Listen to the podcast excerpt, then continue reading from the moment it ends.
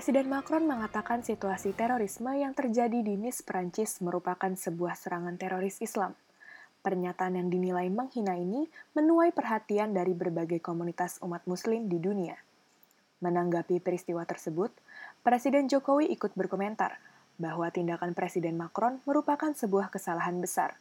Tidak seharusnya istilah terorisme dihubungkan dengan keagamaan – Jokowi juga menambahkan bahwa pernyataan Presiden Macron dapat memicu perpecahan antar agama di saat seperti ini, di mana dunia sangat membutuhkan adanya persatuan global demi memerangi pandemi COVID-19.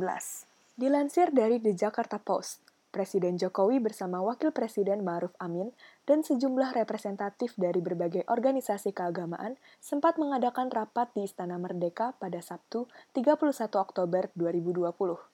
Pada rapat tersebut, Presiden Jokowi berpesan agar dunia mau mengedepankan rasa persatuan dan toleransi beragama untuk dunia yang lebih baik. Sementara itu, di sejumlah negara dengan mayoritas penduduk Muslim terjadi aksi protes dan boykot produk Prancis.